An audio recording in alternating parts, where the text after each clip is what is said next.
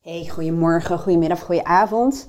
Ik heb een leuk voorbeeldje voor je um, en die zal ongetwijfeld voor veel mensen herkenbaar zijn. En dat gaat over de verschillende kanten van jezelf, die uh, als het ware betrokken zijn bij een bepaalde situatie. In mijn geval is dat um, het verzenden van een offerte. Ik heb met bepaalde taken um, soms een soort van drempeltje of zo. Dit is ook wel weer grappig, want dit triggert mij. Ik, ik, ik um, deel in mijn podcast en in mijn coaching heel vaak, um, ik noem het even tips, maar is misschien helemaal niet het goede woord. Want wat ik werkelijk doe, is ik let heel erg op iemands taal. vanmorgen zei iemand bijvoorbeeld tegen mij van, uh, ja, er is een enorme blokkade. Ja, als je dat zo zegt, dan uh, zul je merken dat je brein, kanten van jezelf, als het ware in de weerstand komen. Omdat er een hele grote blokkade uh, is waar je doorheen moet of omheen moet of whatever wat. Dus dan, um, dan voel je automatisch al die weerstand. En dit is een beetje, hoe zeg je dat, kip-en-ei verhaal. Want die weerstand is die blokkade wellicht, maar goed, dat even terzijde. Maar taal kan echt enorm veel veranderen. Van als je andere taal gaat gebruiken, als ik bijvoorbeeld aan haar, kijk ze naar de feiten, waar gaat het dan werkelijk over? Nou, toen zei ze op een gegeven moment van, uh, ja nee, het is eigenlijk helemaal geen blokkade. Het is gewoon dat ze iets op Facebook moet zetten en, en ze vindt dat Facebook maar uh, ja, niet iets wat bij haar past. Nou, en zo werd het al wat milder en zo gingen we kijken, ja, hoe kunnen we dit nou eigenlijk, of niet ik, maar hoe kan zij dat oplossen? Welke oplossingen zijn geschikter dan voor haar? Uh, maar even, want anders dan fladder ik van het ene onderwerp naar het andere onderwerp. Dat is ook een uh, deel van mij, zullen we maar zeggen. En zo zie je, ik heb ook een deel van mij dat graag weer structureert en ordent. En zo zie je dat die innerlijke dialoog of die innerlijke dynamiek eigenlijk de hele dag door, uh, doorgaat. En zelfs in de nacht in je dromen. Anyway, offerte. Daar was ik gebleven. Ik merk dat ik, want dat was het. Ik had het namelijk over een drempel. daar ging die, daar ging die mis. Um, de drempel. Ik voel soms een drempel bij activiteiten of taken zoals het opstellen van een offerte en deze verzenden. Terwijl een kant van mij die zegt, in dit geval vandaag moet ik even een offerte sturen, van die hele fucking offerte is al klaar. Je hebt nog vijf minuten nodig om eventjes hem nog door te lezen en dan kun je hem verzenden. Maar er is dus blijkbaar iets in mij dat um, gaat zitten uitstellen. Of wat het dus blijkbaar onbewust um, ja, heel groot smaakt. Hè? Als we het dan toch hebben over een blokkade, die is dus nu iets aan het doen. Waardoor ik inderdaad in de uitstelmodus terechtkom. En dit is interessant, want rationeel kan ik dus wel zeggen, een deel van mij die zegt, ach kind, bij wijze van spreken, zo van vijf minuten, hè, doe even de, de puntjes op de i en ga hem verzenden. Maar er is dus iets in mij wat um, op een gegeven moment tegen mij zei, weet je, je hebt al best wel een drukke dag achter de rug en uh, je kunt ook nu gewoon even tot een uurtje of vier, het is namelijk drie uur geweest, um, in de zon zitten. Want die zon die schijnt nu. En als jij zo meteen klaar bent, dan uh, schijnt de zon niet meer. Jij houdt zo van de zon. En als je kijkt naar de buienradar, dan zie je dat de rest van de week wordt helemaal niet zo zonnig. Dus dat is een innerlijke dialoog. Hè? Dat is een kant van mij die zegt, ga maar naar buiten, ga in die zon zitten. En nou hoeft dat niet één kant te zijn. Dat kan ook mijn levensgenieter zijn, die ook echt zegt van, joh, kun je niet beter eerst in die zon zitten, want die is dan meteen weg. Hè? Die, die zon laat zich niet zo plannen als jouw taken. Maar ik voel dit is niet per se afkomstig van een deel van mij dat wil dat ik van het leven geniet. Dit is een, iets anders. Dit is een, een deel van mij dat mij wil verleiden om die offerte niet te gaan sturen. En hier gaat het dus niet over logica. Wat bedoel ik daarmee?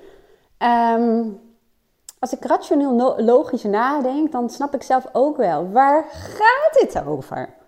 What the heck? He, zo van, Hoezo? Ik kan die offerte sturen. Hoezo is er nu een deel van mij of een soort beschermingsmechanisme? Hoezo? Wat is de eng aan een offerte? Nou, en dit is het interessante. Het is vaak niet rationeel of logisch. Anders zou dit er niet zijn. Anders zouden mensen vaak geen uitstelgedrag vertonen of zelfsabotagegedrag vertonen. En vaak komt dat omdat onbewust is er toch iets wat wel degelijk belangrijk is. En dat is de kunst, in dit geval met voice dialogue dan, om um, daarachter te komen. Nou, dan ga ik je vertellen hoe ik dat doe. En nou zeg ik bij elke keer in mijn academy, ik noem het nog academy, maar ik ben op zoek naar een ander woord, want het dekt niet helemaal de lading.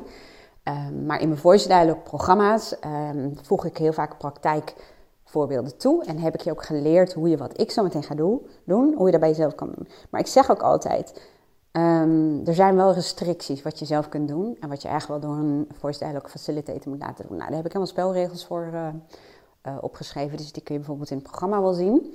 En ik wil je hierbij vertellen, kijk, dat ik dit nu met jou ga delen, dat um, komt dicht in de buurt bij hoe het werkt in je hoofd. Maar weet wel, omdat ik dit ook met jou ga delen, zit er altijd een deel, zelfs twee delen, mijn innerlijke criticus.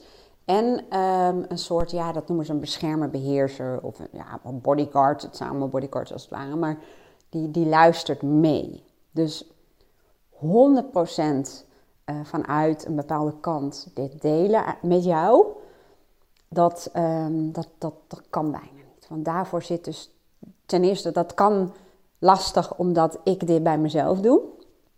Um, dat ga ik nu niet helemaal uitleggen, maar, maar je zult zo wel merken, um, je komt wel heel ver als je je realiseert dat je bepaalde kanten in jezelf hebt die bijvoorbeeld betrokken zijn bij een bepaalde situatie of een vraagstuk of een probleem, dan kun je jezelf heel goed aanleren om te onderzoeken waarom dat deel er is, hè, wat de functie is, waar, waar het voor wil zorgen. En vervolgens dat je gaat kijken, oké, laten we ook eens even vanuit andere kant, andere perspectieven hier naar kijken. Dus wat zouden die hierover zeggen? En dan vervolgens gaat het erom dat je vanuit bewustzijn gaat kijken, oké, ik heb naar dat deel van mezelf geluisterd dat bijvoorbeeld in mijn geval um, wil gaan uitstellen. En bijvoorbeeld, ik heb naar een deel van mij geluisterd wat uh, bijvoorbeeld heel praktisch of heel uh, vol zelfvertrouwen hier naar kijkt. En dan vervolgens ga je kijken, hoe kan ik dan toch zorgen voor bijvoorbeeld, ik noem maar wat, de angst van die uitsteller. Hè? Hoe kan ik daar op een wat bewustere manier voor zorgen? Dus zo kun je namelijk zelf heel goed spelen met um, je eigen persoonlijkheid en met het switchen soms van perspectief. Maar vooral het belangrijkste is altijd als allereerste dat je even luistert naar dat primaire deel. Dat zich aandient. Um, in mijn geval is dat nu die uitstellen, maar dat kan een pleaser, een perfectionist zijn, onzekerheid, um, noem het maar op. En dat je dan vervolgens dus bij jezelf gaat verkennen welke andere kant heb ik ook nog. En wat als ik nou eens vanaf, vanaf hun kant hier naar zou kijken. En dan gebeurt er vaak al iets. Daar gaat het om, dat je keuzevrijheid krijgt. Dus dat je niet reageert vanuit een deel, maar dat je bewust luistert en een keuze maakt. Want als ik zou reageren vanuit het deel, dan zou ik nu al in de tuin hebben gezeten. Um, en dan zou ik misschien die hele offerte niet sturen. Of dan ging ik excuses uh, verzinnen waarom ik hem vandaag niet zou kunnen bedenken als ik zou reageren vanuit het deel. Of een ander deel zou het overnemen en die zou zeggen: Stel je toch niet zo aan, je moet het nu doen. Maar vaak ga je dan wat krampachtiger naar zo'n offerte zitten kijken en dan ga je misschien te vluchtig het verzenden. Dus dit is het innerlijke spel. Nou, laat ik het maar gewoon eens even doen zoals ik het doe. Met de kanttekeningen dat als ik het echt voor mezelf doe, dat het nog wel wat dieper gaat. Uh, maar er is dus nu in mij een deel actief dat zegt, ga maar lekker in de tuin zitten. Of misschien kun je beter zeggen dat je morgen pas met die offerte komt. Je wil ergens voor zorgen. Nou, stel, ik zoek dan vaak even een andere plek, in, in dit geval mijn kamer. Dan ga ik even een andere plek staan. Dit is het lastige als ik dat doe uh, met delen met jou, maar dat geeft. Ik ga even proberen. Er is dus een deel wat zegt... Um, er zijn allerlei redenen waarom je het gewoon uit kan stellen naar morgen, of je het morgen pas te doen. En dan kun je nu lekker van de zon genieten en doe je het morgen pas. Hoef je er ook niet meer aan te denken. Nou, dan denk ik aan denken. Waar, waar, waar hoef ik dan niet meer aan te denken? Nou, stel dat ze de offerte niet goed vinden, want je gaat er iets in opnemen wat helemaal nieuw is voor jou. En dat is namelijk een membership, een licentiemodel voor je academy. En straks vinden ze dat heel gek, of vinden ze het veel te lang, of willen ze het niet. Of ehm, ja, pff, worden zo moe als ze alleen maar naar die offerte kijken. En dan ben je teleurgesteld. En daar hou je niet van. Want dan, nu stop ik even, want ik weet hem, ik voel hem al. Ik voel hem al. Eigenlijk is dit deel van mij, is het deel dat bang is voor afwijzing. Ik heb mijn ziel en zaligheid in die academy uh, gelegd. En nogmaals, ik hou even academy aan totdat ik een beter woord uh, heb. Want dan kom ik op platform, nou daar wordt ook niemand blij van. Um, maar dat deel in mij, dat is bang voor afwijzing. Hè, ik heb mijn ziel, mijn ziel en zaligheid erin gelegd. Um, ja, het helpt al heel veel mensen. Maar als ik het nu uh, in, in, een organisatie, een grote organisatie, um, als ik het daar ga aanbieden, is een deel van mij die zegt: dat lettertype, is dat niet te kinderachtig? Uh, je kunt het pas de deur uit doen als dat lettertype veranderd is. Misschien moet je ook andere plaatjes kiezen. En misschien moet je ook even naar de taal kijken. Want als je het in een organisatie gaat doen, dan gaan HR-medewerkers en managers en misschien de directie ermee aan de slag.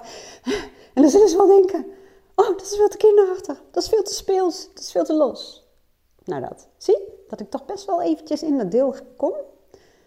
Ik kan me namelijk ook helemaal een voorstelling bij maken. En dat deel als ik zou vragen waar wil je voor zorgen, zou dat deel tegen mij zeggen: of sloop het eruit en zet er een paar zinnen in van: um, Ik heb ook nog een academy. Als jullie er meer over willen weten, neem dan even contact op. Maar dat is eigenlijk afweren. Dat is eigenlijk de kans verkleinen dat ze eh, getriggerd raken om iets mee te doen. Dus daarmee verklein ik dan ook het risico dat ik afgewezen word dat deel wil eigenlijk liefst dat ik het moment waarop ik word afgewezen volgens die kant hè, en teleurgesteld ben en wie weet wel aan mezelf ga twijfelen en in een hoekje weg ga kwijnen. Ik ga het nu overdrijven, hè? maar ik meen het serieus, dit is geen bullshit. Als ik het echt uit zou diepen, wat ik al uh, heb laten doen hè, en wat ik al bij mezelf heb gedaan, wat ik bij klanten ook doe, dan komt het uiteindelijk vaak wel neer op um, bescherming tegen gevoelens van waardeloosheid. Van ik ben niet goed genoeg. Want dat doet pijn en daar willen we ons tegen beschermen. En dat deel wat wil gaan uitstellen, dat schattige deel van mij, nee, weet je, maar dat deel, dat is ook een kant hè, die dat zegt, maar die wil gewoon die teleurstelling weghalen. Die wil gewoon niet dat ik aan mezelf ga lopen twijfelen. Want die denkt, je hebt het allemaal zo goed, Borden, het gaat zo goed. En dan ga je alleen maar om die academy. Nou, dat. Oké, dus um, om je een beetje een idee te geven hoe dat dus werkt. En heel veel mensen, als ze dit luisteren, denken ze: ja, maar dat heb ik niet. Bij mij werkt dat niet zo. Nee, ik heb wel zelfvertrouwen. En uh, nee.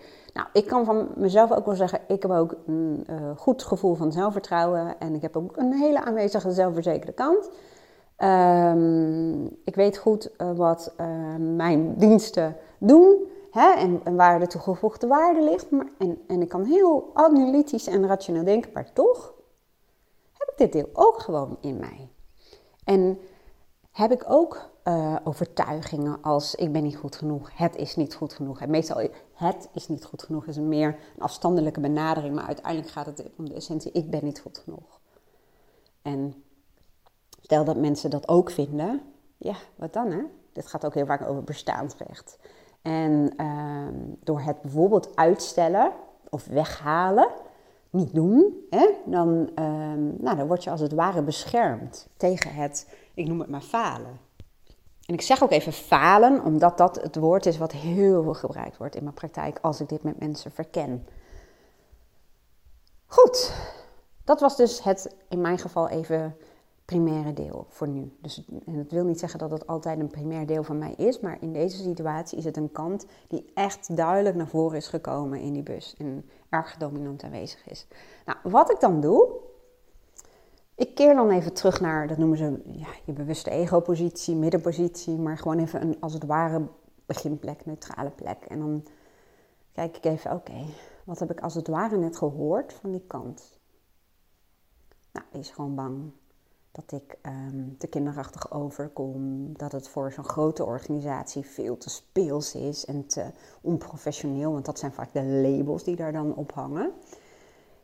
En ik voel meteen al dat een ander deel zich aandient. En daar gaan we nu als het ware naar luisteren. Dus ik zoek een andere plek. Grappig is, ik loop vaak naar dezelfde plek waar die kant van mij staat. En ik denk dat het meer mijn zelfvertrouwen, zelfverzekerde kant is. Het label is helemaal niet zo erg relevant. Maar er was een deel wat nu opstond en die zei: Weet je,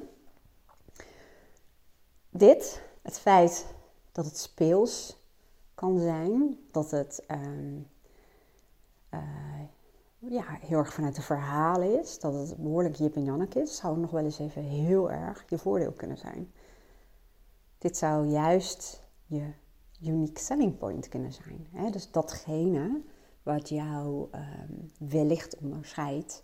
En ik hoef mezelf niet te onderscheiden, daar gaat het niet om. Maar wel ehm, wat er nou juist voor zorgt dat juist binnen zo'n grote organisatie, waar waarschijnlijk al zoveel serieuze dingen worden gedaan en zoveel serieuze trainingen hebben plaatsgevonden en nog zullen plaatsvinden, dat er juist een manier is om te leren over je persoonlijke ontwikkeling en je professionele en zakelijke ontwikkeling um, op een luchtige, speelse manier, maar wel heel snel de kern te pakken krijgt.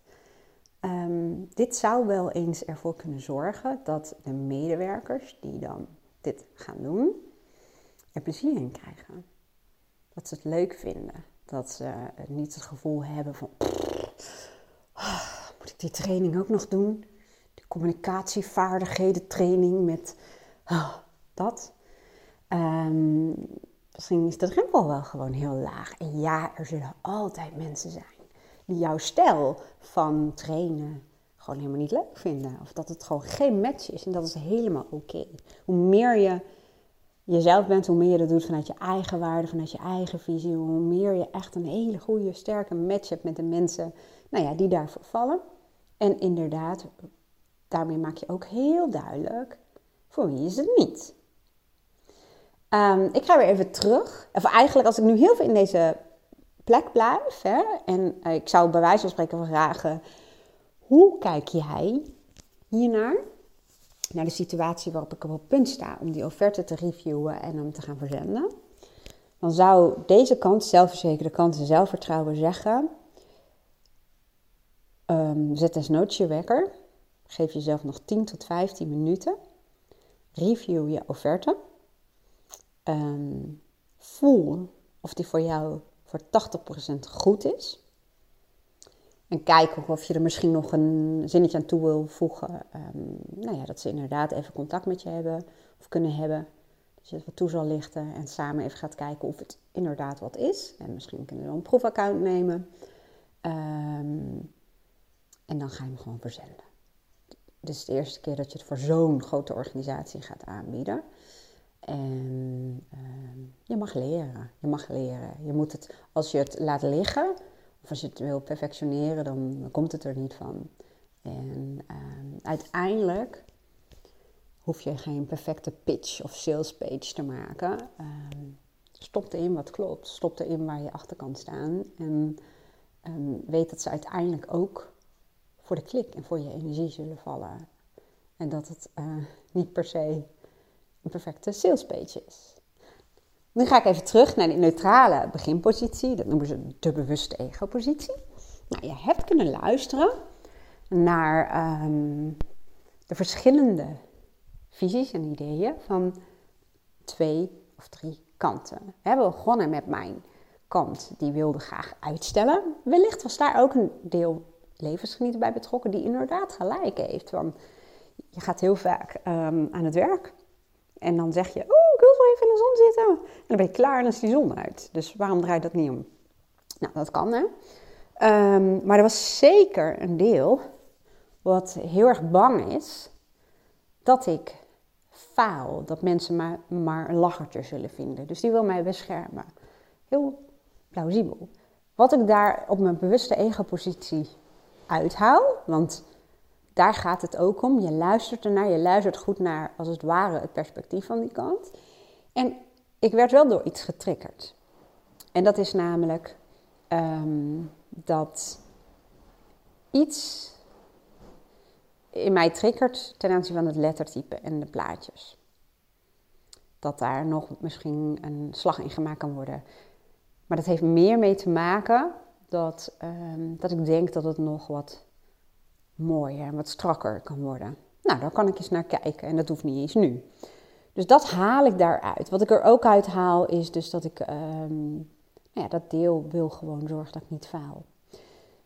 En daarvan kan ik zeggen, al zou ik falen, het is heel aannemelijk ehm, nou, dat ze vooral de groepscoaching en de één op één uh, trajecten willen doen en niet de academy. En dat is helemaal prima als dat zo is. En de kans is ook aanwezig dat uh, ze gewoon nieuwsgierig zijn, dat ze het leuk vinden en willen proberen.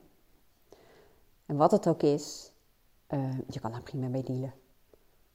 Het is eigenlijk ook wel leuk om je mee te spelen. Hè? Wat als het wel lukt? Hoe leuk zou dat zijn? En die mogelijkheid geef je in elk geval door, um, nou ja, door dit te doen. Dan zie je eigenlijk, omdat ik van afstand praat in de derde persoon, dat er eigenlijk al een ander deel is wat zich mee bemoeit. Ik hoop dat je het nog kunt volgen. Um, anyway, trouwens is dat wel zo. Nou, maakt ook even niet uit. Um, want ik was aan het samenvatten van die kant. Vervolgens ging ik naar zelfvertrouwen en zelfverzekerde kant. En die voelde ik eigenlijk al toen ik weer op een bewuste middenpositie ging staan. Toen voelde ik eigenlijk al dat er een deel van mij was die eigenlijk ook iets wilde zeggen. Nou, toen ging ik even naar een andere plek. Waarom naar een andere plek?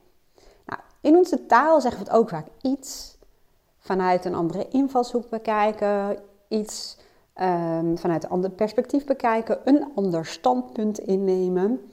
Ehm, ja, iets van de andere kant bekijken. Volgens mij heb ik die al gezegd, maar niet uit. Maar toch, in onze taal hebben we het al verweven. En kan het letterlijk helpen om letterlijk op een andere plek te gaan staan. Op een andere plek zie je daadwerkelijk ook andere dingen. Dat is gewoon een feit. Um, nou wilde ik nog een leuk verhaal aan vastgenomen, maar ook wel een andere keer. Over meer systeemtherapie en de, de posities bijvoorbeeld in een vergadering. Want daar kun je namelijk ook heel leuk mee spelen. Maar goed, ik laat dat even voor wat het is. Uh, maar mijn zelfvertrouwen, mijn zelfverzekerde kant, daar, daar ging ik even heen, zullen we maar zeggen, naar dat perspectief. En het grappige was dat die kanten, die vinden wat mijn, ja wat is het, wat was het daar in de eerste keer, mijn innerlijke criticus? Die vindt dat het misschien te kinderachtig is. En mijn zelfverzekerde kant en mijn zelfvertrouwen, die zeggen dat dat juist een unique selling point is. Dus je um, juist uh, een plus. Dat het juist toegankelijk is en dat het diepe, serieuze materie is, maar wel waar mogelijk. Het met humor is gedaan en met verhalen en met voorbeelden. Um, waardoor heel veel mensen zich ook makkelijker kunnen identificeren. En het ook leuker vinden om hiermee aan de slag te gaan. Um, want ik hoor dat in mijn praktijk en uit mijn academy nu, de huidige deelnemers en gebruikers ook terug. Dat het gewoon leuk is om te doen, dat het helder is, dat ze zich heel veel erbij voor kunnen stellen, dat het makkelijk is om dingen te snappen, juist omdat ik op die manier dat doe. En mijn podcast idem dito. Dus er zou zelfs een kant zijn die zou zeggen, het zou honderdduizend procent zonde zijn als jij nu een hele serieuze CQ-professionaliseringsslag er overheen zou gooien, want dan is jouw eigenheid weg. Hè, dan, dan, dat, dat, dat, dat, dat, dat moet je niet doen. Um, nou, dan is tot slot, wat ga je hier nou mee doen? Nou, wat ik ermee ga doen. Ik ga deze um, uitleg, dit praktijkvoorbeeld van mezelf, uh, opslaan. Pak een kopje thee. Mijn laptop had ik inmiddels al aangezet. En ik ga eigenlijk het advies overnemen van mijn uh, zelfvertrouwen en mijn zelfverzekerde kant. Door uh, tien minuutjes nog even ernaar te kijken. En dan gewoon een afsluitend stukje te schrijven. En het te verzenden. En ook vertrouwen te hebben dat als ik echt wat voor ze kan betekenen, dan um, gaat dat wel. Dan is daar een match en dan zijn ze nieuwsgierig en dan komen we eruit en verzinnen we dat met z'n allen wel. En um, ik ga wel iets doen met iets wat mijn innerlijke criticus uh, zei, omdat het me triggerde. En dat is toch even kijken naar de titels en naar het lettertype en naar de plaatjes. Of ik daar nog iets in kan doen, waardoor ik er nog blijer van word. En ik weet ook, dat is niet mijn sterkste punt. Dus ik weet nu eigenlijk ook al, nieuwe beslissing, ik ga dat uitbesteden.